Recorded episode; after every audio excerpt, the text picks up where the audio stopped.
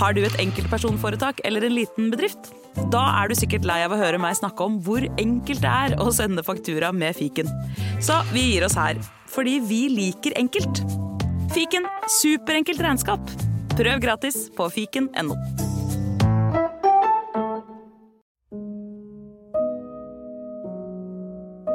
Norske menn og kvinner blir svindlet for millioner av kroner hvert år. Det skrives stadig flere artikler om folk som har blitt lurt, og man blir opplyst om hvilke tegn man bør være obs på. Allikevel stiger antallet svindelofre i Norge for hvert år. Hvem er det egentlig som har skylden her? Er det svindlerne som blir dyktigere, eller er det ofrene selv som rett og slett er lettlurte? Hm. Dette er Honningfella, en podkastserie i seks deler fra Avhørt, del fire.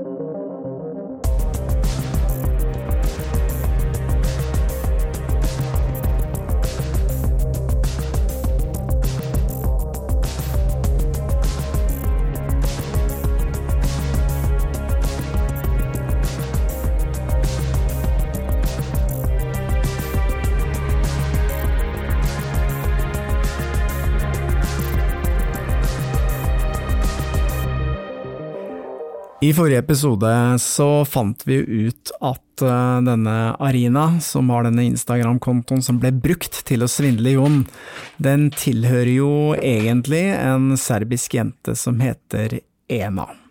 Og hva har du funnet ut om den kontoen, Lars Kristian? Det, det, første man ser er jo dette her eh, som vi også snakket om tidligere, at bildene eh, strekker seg mye lengre tilbake i tid, til ungdomsårene til denne Ena. Og dette det framstår jo da som en mye eh, Framstår som en ekte profil. Da. Man ser jo også at det, eh, har mye mer personlig preg på den teksten som ligger sammen med bildene. På den Arina-kontoen så er det mye mer sånn eh, visdomsord og ordtak og overfladiske ting. Da. Mange klisjeer, med andre ord. Eh, helt riktig. Mm. Eh, mens på en av sin konto, så, så er det så, så, så, ser det ut som utdrag fra en ung jente sitt liv. Mm. Men det som slår meg litt, er at på et uh, tidspunkt uh, så blir livet hennes mye mer luksuriøst. Ok, så hun går fra, på Instagram-kontoen sin, fra å være en helt sånn vanlig serbisk jente mm. til å bli litt sånn jetsetter? Ja, det kan se sånn ut, og det er mye reising. Hun er over hele verden, og det er uh, Plutselig fått penger? Uh, ja, det er liksom litt sånn luksusvarer, uh, vil jeg tro, og hun, hun, får en helt sånn annen fremtoning, da. Og vi var jo litt inne på det i forrige episode, at det kan jo tenkes at disse jentene på disse Instagram-kontoene har solgt bildene sine til disse svindlerne. Og det, det, her kan jo være et bevis på det, da, eller en indikasjon på at eh, hun plutselig har fått eh, mye mer penger. Ja, så hun i teorien så kan hun være en del av det. Hun kan ha vært med på å selge disse bilene, de er ikke blitt stjålet. Og plutselig fått mye penger mellom hendene. Mm. Eh, det som er interessant med det, er jo at disse jetset-bildene er jo de som blir brukt for å lure folk. Så det er kanskje også, hvis hun er med på det, en grunn til at hun får penger av å få reist og tatt disse bildene, for at hun da skal framstå så mye mer attraktiv da overfor uh, for de som skal bli svindlet. Helt riktig. Uh, hun har også en Facebook-konto. Uh, og den er mye mer lukket enn hennes Instagram-konto. Det er ikke så mye vi kan hente ut fra den, men uh, man får et lite innblikk i vennene hennes. Og når jeg søker på de som har samme etternavn som henne, så finner jeg jo det jeg vil tro er uh, hennes nærmeste familie. Moren, faren og broren. Og de har litt mer åpne Facebook-profiler. Uh, og da jeg vil, det, jeg vil, jo anta at dette er en helt normal eh, serbisk middelklassefamilie. Så at de plutselig skal ha fått mye mer penger mellom hendene, det kan jeg ikke se på de bildene. Men det jeg kan, er jo å ta kontakt med de, siden Ena ikke har svart på den meldinga som Helge sendte foreløpig.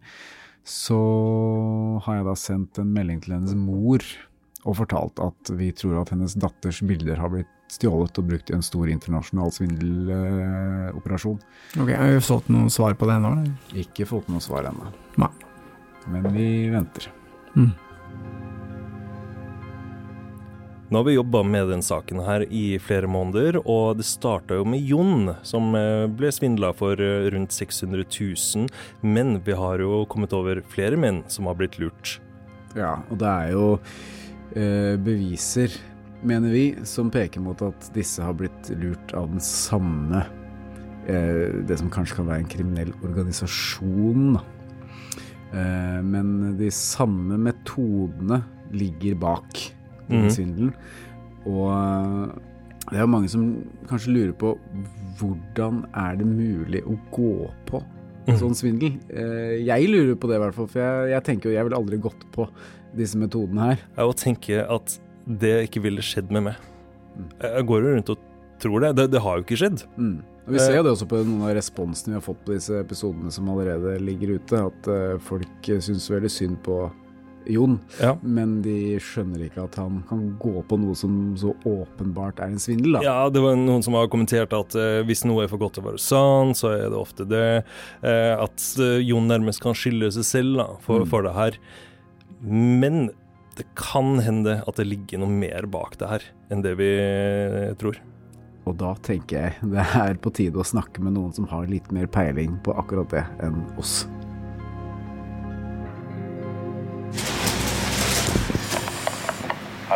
Ja, hallo, ja. Du, vi skal besøke psykolog Pål Grøndal, men vi ser ikke noe ringeklokke på han. Nei, da bare går jeg rett opp det. Takk skal du ha.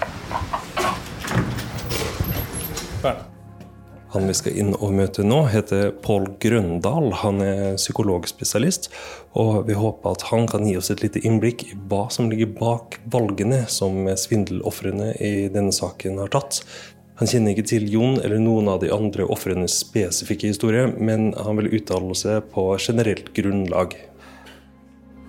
Hei, Pål. Hei, hei. Takk. Det er vel en saying at eh, hvis noe virker for godt til å være sant, så er det veldig ofte det, altså. Og hvordan skal vi mennesker utstyre oss med den eh, kapasiteten til å si at mm, Ja, hva er det som taler imot? Hva bør jeg sjekke for å undersøke om dette faktisk stemmer? Og der har jo tydeligvis en del av oss en type naivitet og godtroenhet som, som er blitt Altså I det hele tatt er vurderingssansen blitt bedøvet av en person som tydeligvis virker nokså forlokkende. Og så går du inn og investerer. Og investerer. Og så begynner du å investere så mye at det blir vanskelig å trekke seg. For da har du tapt alt. Det vil du jo ikke.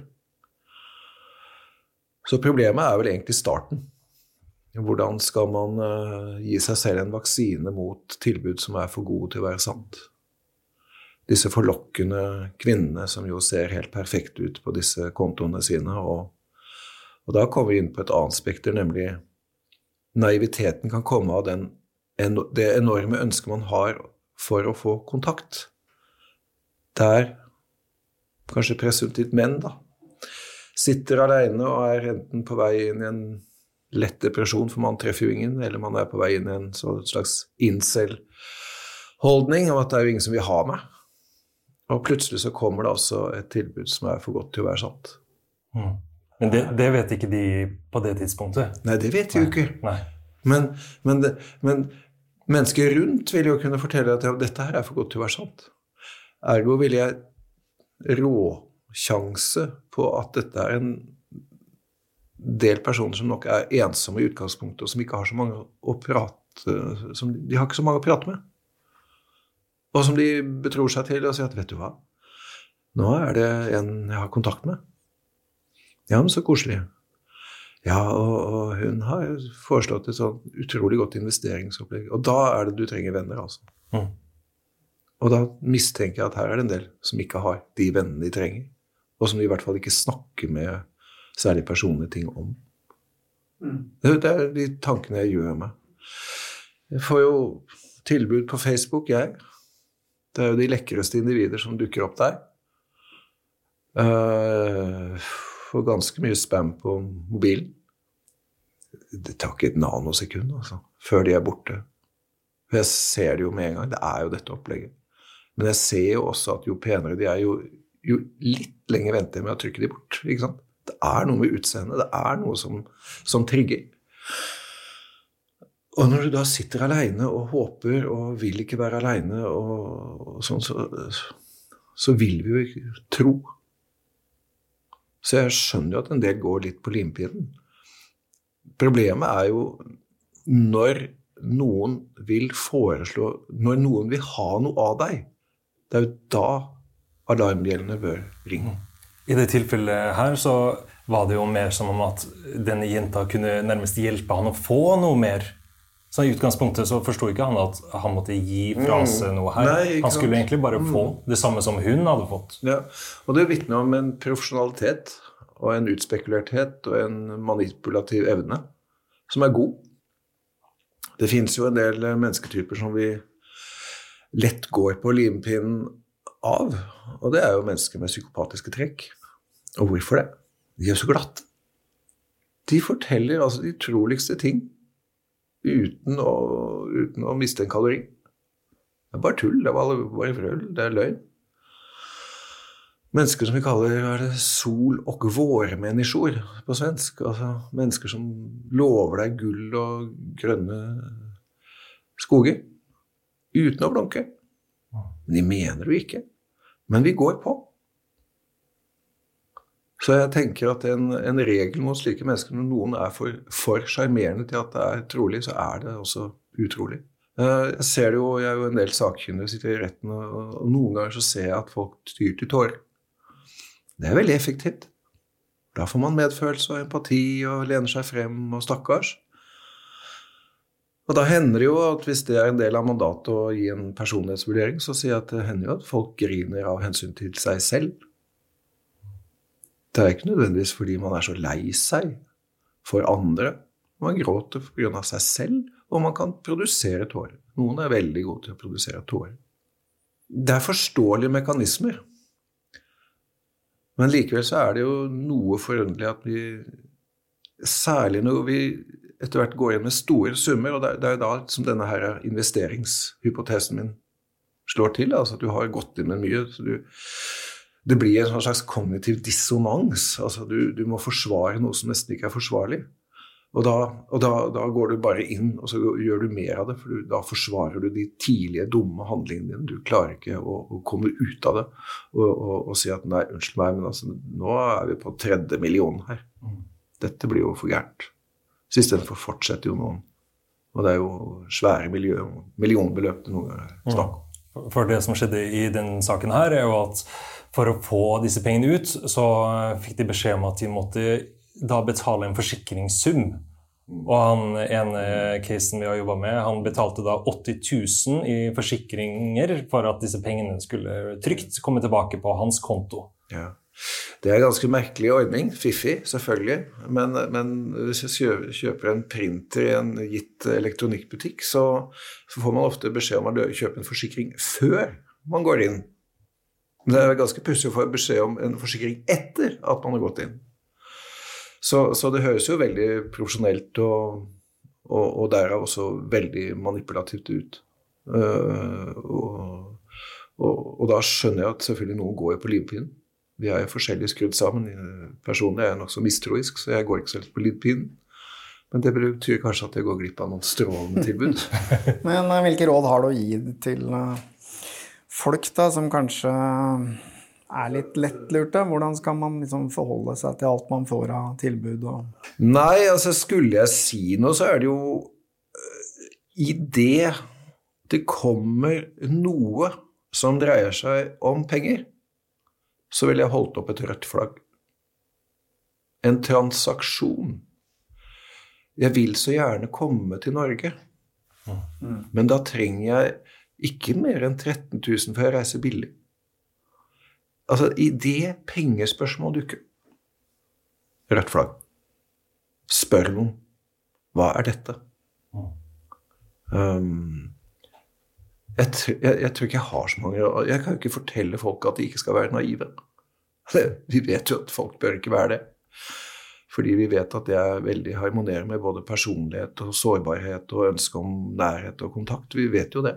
Men hva tenker du om, eh, Nå har vi vært i en eh, unntakstilstand i to år med pandemien, og folk har vært nødt til å sitte hjemme og Ja. ikke treffe verken venner eller familie eller noen verdens ting. Eh, Tenker du at det har gjort mennesker ekstra sårbare overfor sånne type svindler? Ja, Det vet jeg jo ikke. Jeg har ikke sett noen undersøkelser på det. Um, men, men, men, men hypotesen lyder jo egentlig veldig besnærende, at folk blir jo mer desperate. Fordi man nettopp sitter så mye hjemme uh, og har lite kontakt. Og, og tenker at ja, det er klart hun tar kontakt med meg, for hun er jo i samme situasjon som meg. Vi sitter bak hver vår PC. Og slik er verden nå. Sånn at det virker jo tilforlatelig. Og, og at man kjenner større desperasjon eh, enn tidligere, fordi mulighetene til kontakt er færre. Det kan godt være sånn at en del av blant oss er blitt mer desperate eh, og er mer eh, sårbare for den profesjonelle kontakten som noen av disse her sender ut. At de vet godt hva de gjør. Man skulle nesten tro at de hadde studert psykologi, noen av dem. Altså, de vet akkurat hva de skal trykke på. Og, og, og det er klart at de har kanskje ti opplegg på gang hele tiden. Kanskje ett av dem funker. Det er god inntjening, det. Det er en dag på kontoret. Det, det her har jo vært et stort nettverk som har eh, sannsynligvis svindla mange. Vi har eh, spesielt prata med tre menn eh, som har opplevd det her. Men vi har jo òg hatt flere på lista vår som vi har forsøkt å komme i kontakt med. Eh, vi har eh, vært i Vi ringte til en som eh, vi la frem saken, og da la han bare på. Så eh, hva, hva, sier du om det? Er det knytta mye skam til det her? Ja, selvfølgelig. Det er jeg nokså sikker på. Hadde jeg pøst ut 600 000 kroner og, og skjønt at det var svindel, så ringer det en eller annen journalist så vi ha det med en podkast. Det er klart jeg er flau. Uh, har ikke lyst til å si noe om det. Vi vet jo også om firmaer som er blitt hacket, som ikke vil gå ut i offentligheten med det. Det er dårlig for renommeet, og det er flaut for personen. Jeg tror i England så har man jo faktisk en, en, en egen minister for en, en, en, en ny type muligens folkehelseproblem, nemlig ensomhet. Ok. Og, og jeg har tenkt på at uh, kanskje skulle vi hatt en slik minister i Norge også, som, som faktisk skulle ta tak i det problemet med ensomhet som, som jeg tror veldig mange sliter med. Ja, Noen ganger så har det slått meg litt, for jeg har jo reist mye rundt omkring i verden, og det at den der rikdommen er også en forbannelse. Fordi eh, når jeg har reist i fattige deler av verden mm. og sett, så virker folk mye lykkeligere. Fordi at Nå snakker jeg ikke om ekstrem fattigdom, det er ikke det jeg snakker om. De har ikke så mye. Men det er et helt annet samhold. Fordi de er liksom avhengige av hverandre for å, for å overleve, rett og slett. sant? Så, du, så det er en helt annen innstilling. Du, du merker at de er mye gladere, for de er mye mer sammen, og de hjelper hverandre, og de er kjempe eh? De gir jo bort alt de har når du kommer, og det er jo ikke måte på. Mens i Norge så vi er liksom så rike at vi kan egentlig råd til å sitte aleine. Vi, vi trenger ikke naboen, vi trenger ikke Og, og det tenker jeg mange ganger er en, en, ja, en forbannelse, da. Kan være det. Og, og jeg har jo selv lagt merke til at det er ikke så ofte jeg eh, Er det mange eh, i sentrale østlandsområder som stikker innom hverandre spontant, uten å si ifra? Jeg tror ikke det. Jeg merker at jeg ringer mindre. Jeg sender heller en SMS, ikke sant. Så jeg er liksom helt blokkert bak det skrevne ord. Skal du ha en billett, eh, så må du gå på nettet. Du snakker ikke med noen i luka lenger. ikke sant? Med andre ord, jeg tror kanskje du har rett i at, at rikdom gjør at vi er satt i stand til å bli ensomme. Og det er da jeg kanskje vil foreslå en ensomhetsminister som, hvor vi kanskje må ta tiltaksplaner for hvordan skal vi sørge for et samfunn som blir noe mindre lukka enn det vi kanskje er.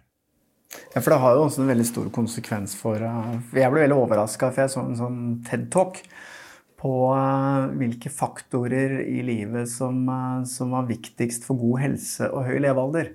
Ja. Og jeg har jo alltid tenkt at det må jo være trening og kosthold og, og sånne ting. Men det havna faktisk ganske langt ned på lista. Øverst på lista så sto det 'Hvor mange mennesker snakker du med i løpet av en dag?' ja. Så jo flere mennesker du snakker med, er faktisk den viktigste faktoren for å leve et langt og sunt liv. Ja. Og det overraska meg litt. Ja, nei, det er nok sant det, og, og, og jeg tror det blir kalt at, at eh, for mange, altså for de fleste av oss så er andre mennesker eh, psykologisk oksygen. Vi er nødt til å ha det. Folk blir jo gale hvis de blir helt ensomme, altså virkelig blir isolert. Så, så blir man jo faktisk gal. Noen av disse ofrene har jo fått veldig mye psykiske problemer i etterkant. Depresjoner. Ja.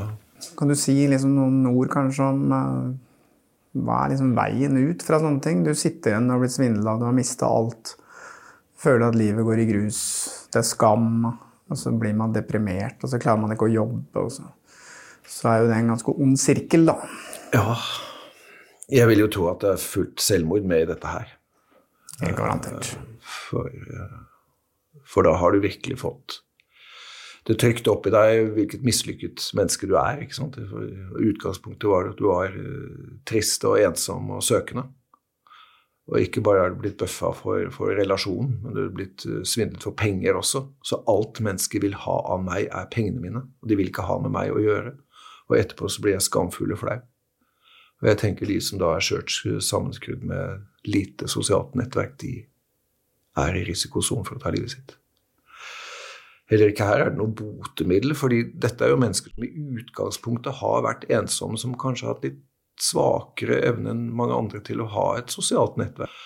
Og da er det jo ikke så lett å si til dem at nå må du sørge for å få deg venner. Men det er, da er vi tilbake til det med meningen med livet og, og sånt. At det er jo akkurat det de trenger. De trenger å komme seg ut og treffe mennesker. Hvilket jo har vært veldig vanskelig de siste to årene. Eh, Men rykker det virkelig, så må jeg jo si at da må du be om hjelp. Altså. Da er kanskje det første, første er fastlegen.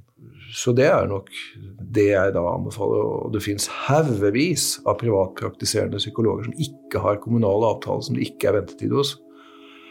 Ok, har du brukt 500 000 på et svindelopplegg, så, så, så får du heller låne litt penger, så går du til en psykolog og, og får eh, justert eh, sider av livet ditt som, som har ført deg kanskje dit hvor du er. Også. Og det nytter. Vi vet at samtale nytter.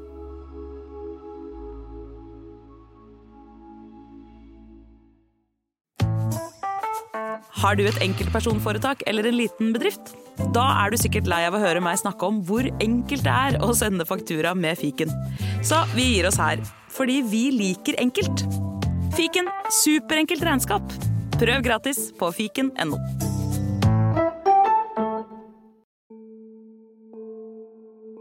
Ok, Lars. Nå er vi veldig spente på hva du har funnet ut.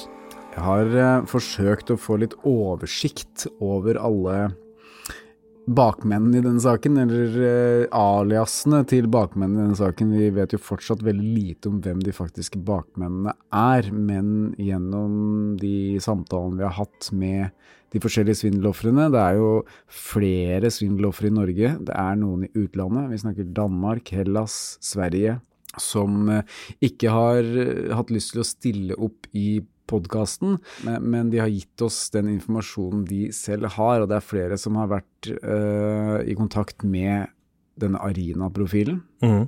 samme som Jon snakket med. Er det flere som har vært i kontakt med denne Kaspar Teras, megleren i Amsterdam? Det er det, og det, vi har fått flere navn på blokka. Ja. Uh, Kaspar Teras og Alex Johnson var jo de to ekspertene som Jon snakket med gjennom TGI-nettsiden. Mhm. Vi har fått eh, noen nye nettsider. KYC, KY-C, Okay. eh, DoDealer, Suplex Deals eh, og Baro Kapital og noen flere sånne type sider som eh, kryptoeksperten vår Torkel Rogstad, som vi møtte i eh, episode 1 og 2, har kikket litt nærmere på. Han får det samme inntrykket av disse sidene som eh, han fikk av TGI, som Jon investerte gjennom, Ja. og som vi kikket på i de episodene. Rogstad sa jo at disse nettsidene kunne for det utrente øyet se profesjonelle ut, men han kjente jo igjen flere av de her eh, såkalt templatesene, som er det her som er en nettside bygd opp på. At det var noe han kjente igjen fra et sånt der eh, sted man kan kjøpe en enkel nettside. Lett å sette opp for de som kan det, men ikke så lett å gjennomskue for det utrente øyet. Eh, det navnet Kaspar Teras, eh, som du nevnte, det går igjen også gjennom disse andre nettsidene DoDealer og Suplex Deal, så dette er en eh, aktiv type. Så det, det, det samme gjengen, samme menneskene som opererer med alle disse nettsidene. Mye tyder på det. Altså, den har, som sagt, eh, Jon hadde kontakt med også med en Alex Johnson. Vi har også en Alex Lindvest. Lindvest? Det svensk ut. Ja, det høres ut som svensk ut. eh, eh, Alex Lindvest, ja. Dennis Rodin Ja. og Dennis Cobb. Oi, ok. Eh, Dennis Cobb er for øvrig også eh, linka med Kaspar Teras. eh, og David Brown. Det er litt sånne Hva skal man si? Alex David er litt sånne enkle navn som går igjen, som brukes uh, litt om hverandre, og man bytter ut etternavnet. Mm. Men uh, så langt så har vi bare fokusert på å lete etter denne jenta på disse bildene. Men uh, nå tenkte jeg at vi skulle se litt nærmere på disse aliasene til bakmennene.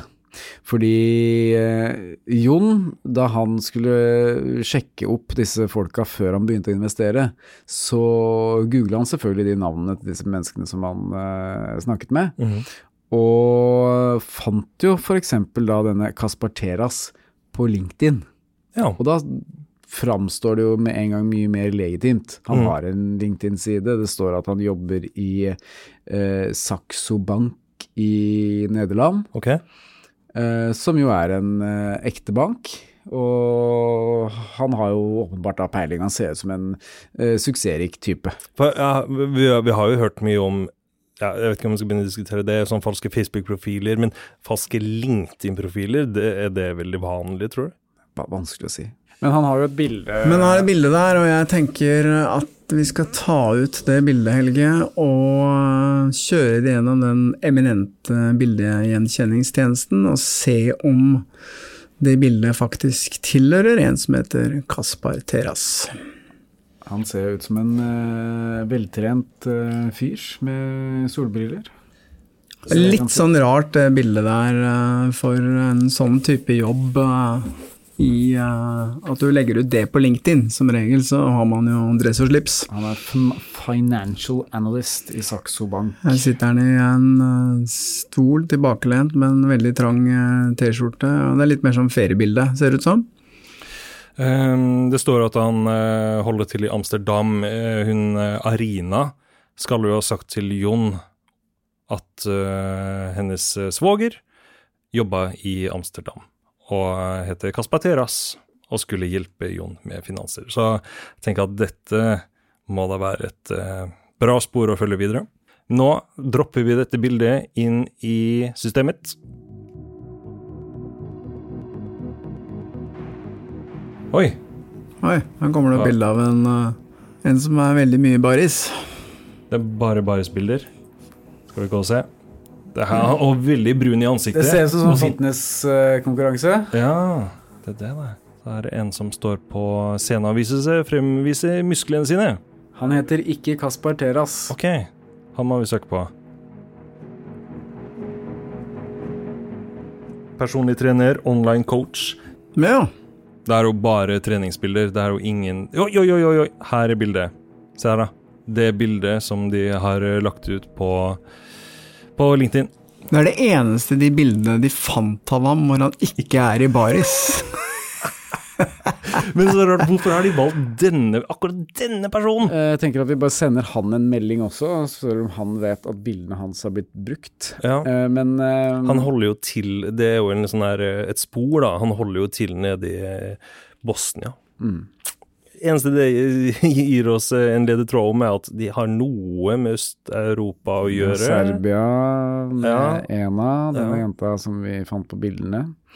Eh, Bosnia, altså. Ok. Er det fordi Eh. at en at de leiter liksom etter disse bildene der de er nærmest selv, eller? Kan hende. Ja. Eller tenker de at ok, jeg kan ta bilde hvis hvis jeg velger et bilde av en random eh, halvkjent influenser i eh, Øst-Europa, Ja. så er det liten sjanse for at eh, Jon i Norge Norge skal vite hvem dette her er. Ja. Det er jo, den sjansen er jo lik null hvis du har klart å få ham på kroken i utgangspunktet, Ja. og han tror at han snakker med den personen på bildet. Hvorfor i all verden skal han eh, begynne å søke etter om dette kan være noen andre?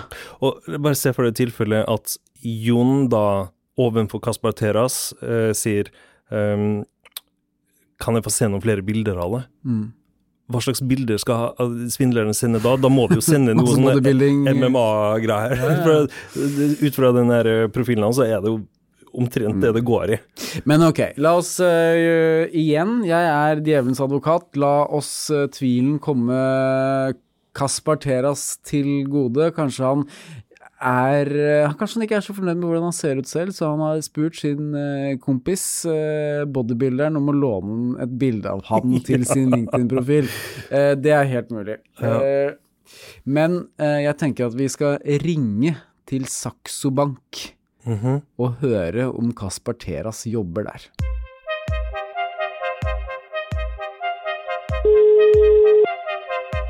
Takk for at du ringte til Saxo Bank. Vær oppmerksom på at denne samtalen kan Hvilken podkast var det du sa det var igjen? Kan være det. Vi har jo også et nummer som går direkte til Amsterdam. Welkom bij Saxo Bank. Dit gesprek kan worden opgenomen voor kwaliteit. Goedemiddag Saxo Bank, spreek met Mariam. Waarmee kan ik van dienst zijn? Thank you for calling Saxo Bank. Please be advised that this telephone call... Siger du? Kaspa med C eller K? Kaspa, altså T, E, R, S. Jeg får ikke noget frem på den person, du spørger til. Hun eh, hadde ikke hørt om eh, Kaspar Teras, eller kunne finne han i sitt system. Ja, det er jo ikke overraskende, Nei. men det er jo litt interessant at man kan etablere en sånn eh, fake LinkedIn-konto og være tilknytta, jeg vet ikke om man sier man er venner på LinkedIn, men man har kontakter på LinkedIn med folk som eh, jobber da i Saxo Bank, mest sannsynlig. Det ser jo sånn ut. Ikke hvis, hvis du trykker på den linken som han legger ved, ikke sant? du har eh, Mm. eh, inn på den LinkedIn-profilen, så er det profilbildet, og så står det navnet hans, og så står det arbeidsgiver, og da står det jo det er den offisielle Saxo Bank i Amsterdam. Hvis Mm. du trykker på den, så kommer du inn på Saxo Banks profil. Gjør du ikke det? Jo, Ja. gjør det. Og han har Det er jo sikkert tusenvis som jobber der, ikke sant? så de sitter ikke og sjekker de tinga der. Liksom kontakter og følgere. Ja. Og, men det som er interessant, er at en av hans følgere, det er Dennis Cobb. Dennis Cobb, ja. Dette navnet Ja. som dukker opp i, hos disse andre. Ja. Um, Som, ikke sant, for at vi har en sånn tre kløver setup. Det er jenta som får offeret til å ta kontakt med Kaspar Teras, og så har han en annen meglervenn igjen. Og i, noen av tilfellene så heter han Alex Johnson, og i andre tilfeller Alex eh, Lindvest, eh, Ja, Dennis eller- Cobb, eh, Dennis Rodin, Ja. Dennis og Alex Så, ok. eh, går igjen, i hvert fall. Men uh, breaking news, gutter. Ok, Jeg var inne på hans eh, LinkedIn-side, og nå fikk jeg beskjed om at han har vært inne på min LinkedIn-side, så oi, oi, oi, oi. Så det er noen som opererer den kontoen, i hvert fall, og følger med. Altså, hvor lang tid har det gått? Det har gått eh, 20 minutter. Ikke noe mer enn det. De er på, de eh, gutta her. De De er sitter med dataen. Det, det er verken hans fjes eller hans navn. Eh, så det blir litt, litt vanskeligere å finne ut hvem som eh, faktisk opererer denne LinkedIn-profilen, på samme måte som det er vanskelig å finne ut hvem som opererer denne Instagram-profilen til Arina. Vi venter fortsatt på å få svar fra eh, denne jenta som heter Ena, nede i Serbia. Jeg har jo fulgt med på hennes Instagram-profil over lengre tid nå, eh, og som jeg nevnte i forrige episode, så var hun på ferie, jentetur, i USA. Eh, men det ser nå ut som de eh, har kommet hjem igjen til Serbia, så det skal være enklere å få kontakt, siden vi nå befinner oss i samme tidssone. Ja, og spesielt etter at vi har sendt melding nå til hele familien hennes, så er det vel noen som kommer til å svare.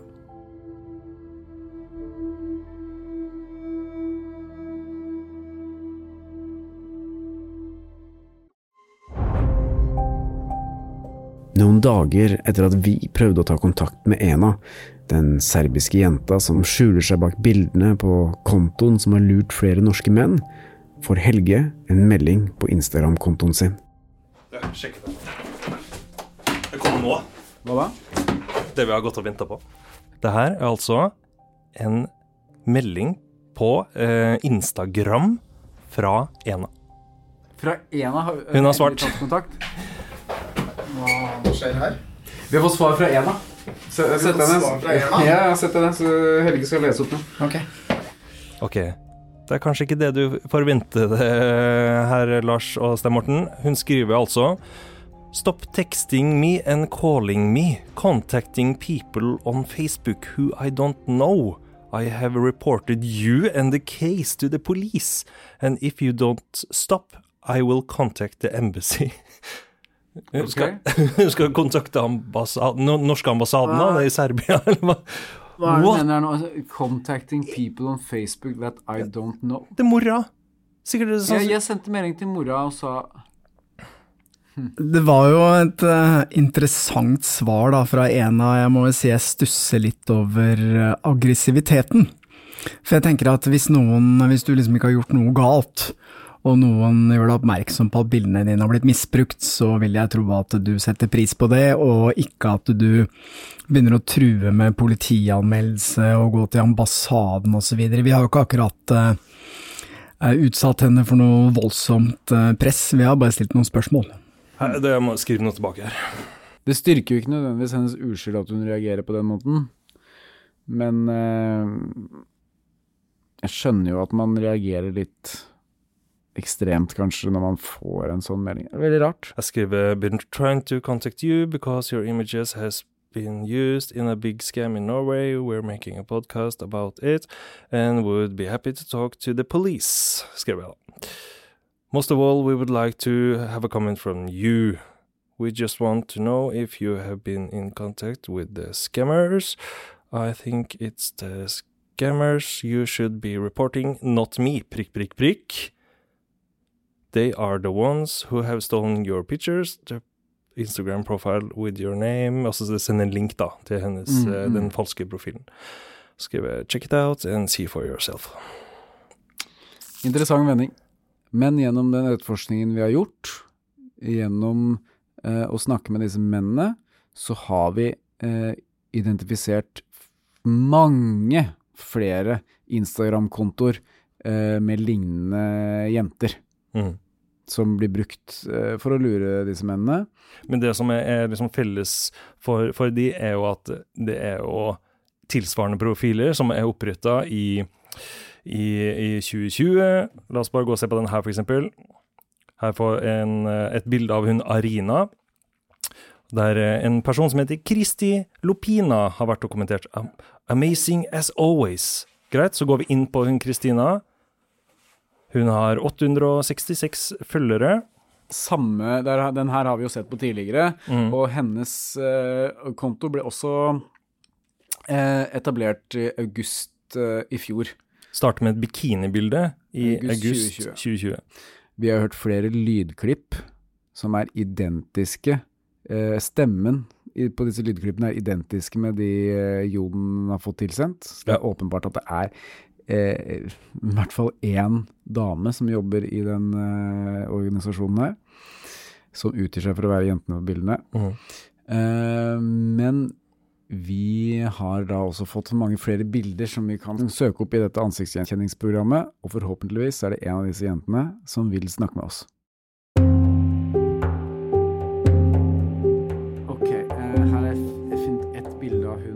Som kaller seg for Diana. Hun kan vi Men eh, sjekk her, da. Her er jo et nettsted som heter VK. University of Sarajevo. Nei, det er ikke sånn. Nei. Her, her, her får hun masse kommentarer, ikke sant? Det er stort sett menn som håper at uh, hvis jeg sender så hjerter, så Det er hun. Det, det er samme person. Ok, men Hun her er jo faktisk en trebarnsmor fra Tyskland. Det, det, hun, det kan jeg ikke se for meg at, jeg, at hun er med på det her. altså. Det der er jo Og hun Diana. Ok, hun her eh, er jo en veldig pen jente. Litt sånn rødlig hår. Det står jo på profilen hennes eh, Denne profilen Kelly Petersone, så står det jo at hun holder til i Hamburg. Ja. Eh, men det er litt sånn vanskelig å identifisere de stedene hvor bildene her er tatt. da. Hun kunne se tysk ut, hun der. Okay, skal vi prøve å søke på det bildet, da. Så her, er- er jo mange treff. Ja, Er det samme jenta? Ah, den ser kanskje litt så Det kunne vært for noen år siden, eller? Det her er på en sånn derre Ok, jeg skal gå inn på den nettsida. Det her er faktisk på en sånn derre bildelingsside i København. Der kommer det altså opp en dame som heter Sofie. Som er ganske lik Kelly.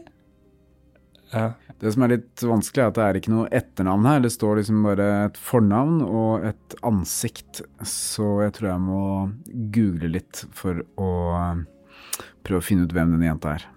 Sofie.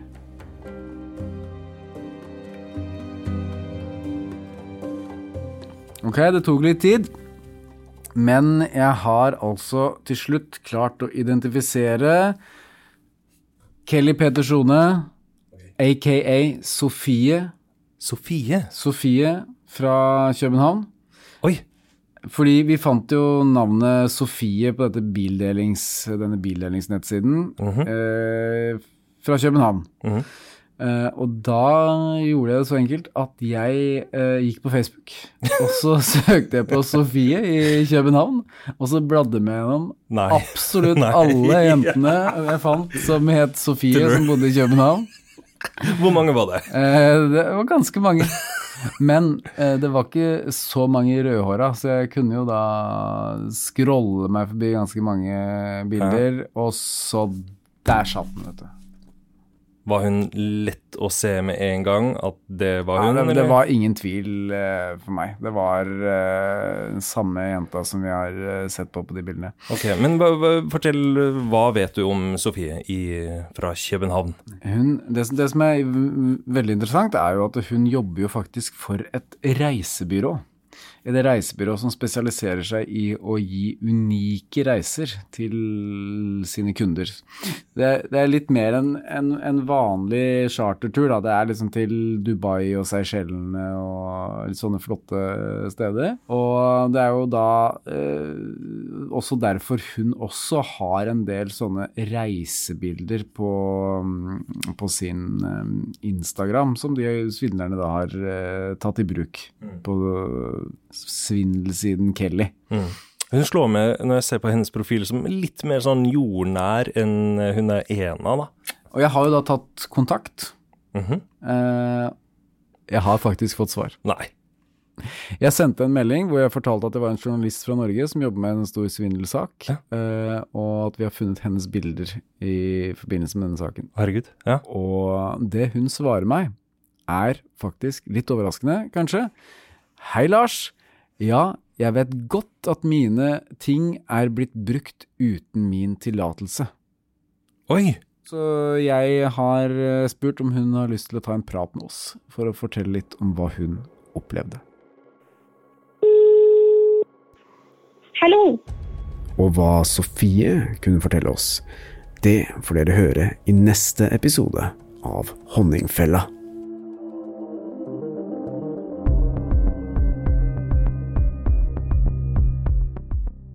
Honningfella er en produksjon av Batong Media. Redaksjonen vår består av Stein Morten Lier, Helge Molvær og Lars Christian Nygårdstrand.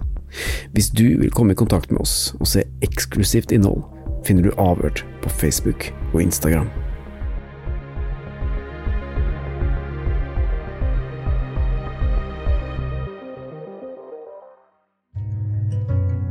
Hvis du setter pris på Avhørt og syns at den jobben vi gjør er viktig, så kan du støtte oss ved å vippse til 807599 eller søke opp Batong Media i vips appen Og vi setter stor pris på alle bidrag, store og små.